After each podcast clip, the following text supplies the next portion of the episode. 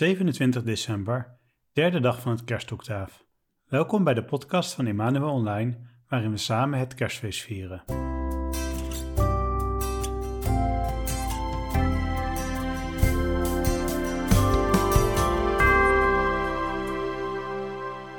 Maria en Jozef gaan naar de tempel om Jezus aan God op te dragen. Een mooi Joods gebruik om God te bedanken voor het kind dat ze ontvangen hebben. In deze laatste dagen van het jaar mogen wij ook terugblikken op alles wat God ons gegeven heeft en Hem daarvoor bedanken.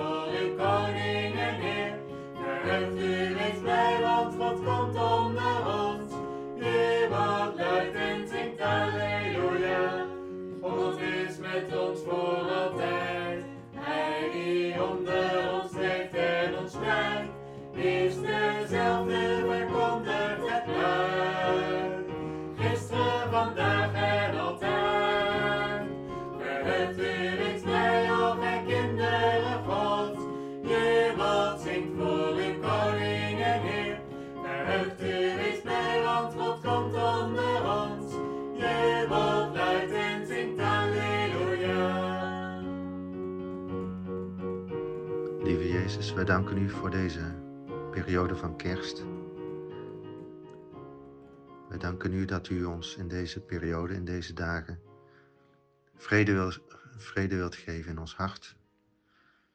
Jezus maakt dat wij u in deze dagen de ruimte geven om die vrede in ons hart neer te leggen. De keus kunnen maken om ons wat minder te laten afleiden door YouTube of Facebook. Of al die andere dingen waarmee we ons bestaan vullen.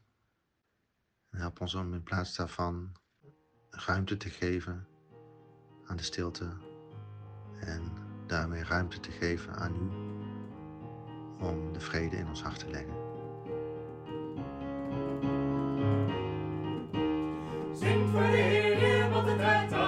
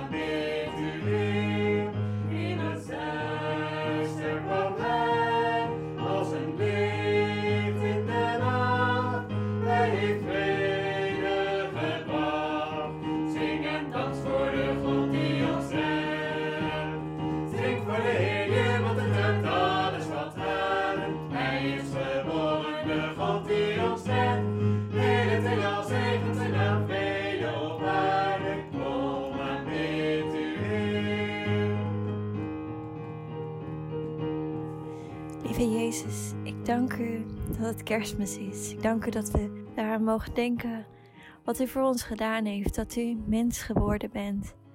Ik dank u voor deze enorme betekenis die het voor mij heeft, dat u mij hoop in mijn leven geeft.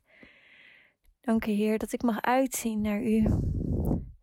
En zoals u zo klein bent geworden, dat ik gewoon als mezelf bij u mag komen, voor de kerststal mag staan en dat het niet uitmaakt hoe ik ben, maar dat ik mag genieten van het feit dat u zoveel van mij houdt en daarom mens bent geworden.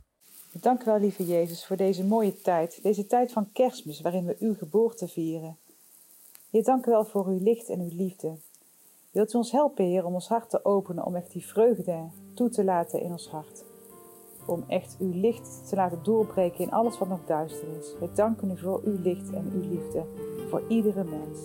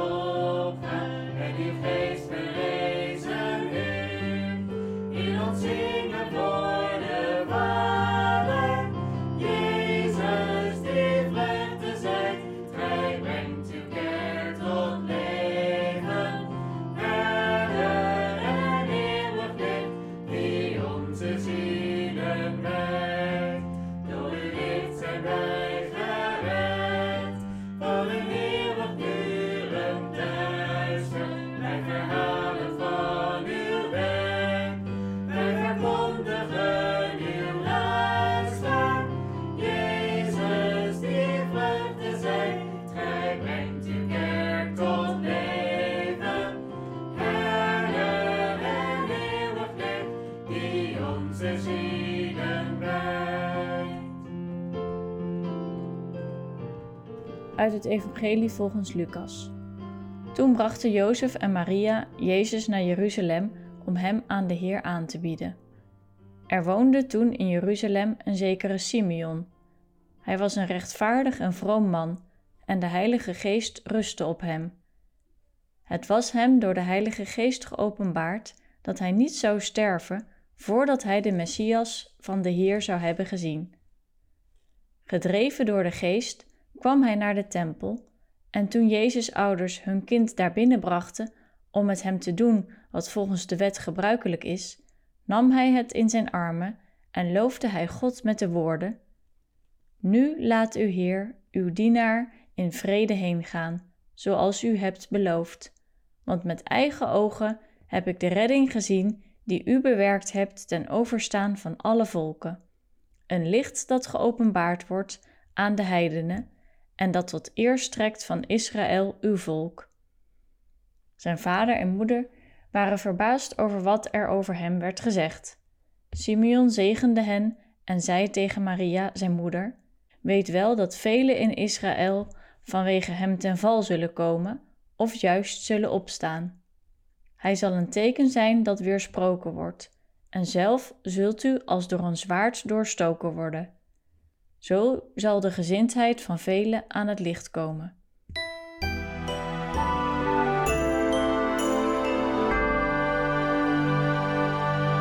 Mijn naam is Chantal, 35 jaar en ik kom uit Nijmegen. In de tekst van de dag zijn er twee dingen die me opvallen. Allereerst is het dat Simeon de Heilige Geest op hem had. Ik weet niet precies hoe dat eruit ziet of dat je dat aan iemand kan zien, maar ik geloof wel dat de Heilige Geest je helpt in je leven. En dat je soms een sterk gevoel van overtuiging kunt hebben dat je verder brengt. Zo had ik zelf het enorm sterke gevoel dat ik theologie moest gaan studeren, zonder dat ik daar rationele argumenten bij kon bedenken. Mensen verklaarden me voor gek, maar ik moest het doen en ik had er een enorm vertrouwen in. Uiteindelijk heb ik die studie succesvol afgerond. Ik denk dat dat de Heilige Geest is die dan aan het werk is. Het tweede wat me opvalt en wat me ook raakt, is dat Simeon tegen Maria zegt dat Jezus een teken zal zijn waar veel mensen niet in zullen willen geloven. Het raakt me, omdat het vandaag de dag nog steeds zo is. Veel mensen hebben in eerste instantie niks met het geloof. En ik zeg niet voor niets in eerste instantie, want ik kan ook getuigen dat er momenten zijn dat ze toch ineens dat kleine vonkje ervaren of de Heilige Geest. Ook al geven ze er zelf die woorden niet aan. Afgelopen zondag hadden we een open kerk waar meer dan 70 mensen op afkwamen. Velen waren nog nooit in de kerk geweest, maar kwamen uit nieuwsgierigheid toch naar binnen.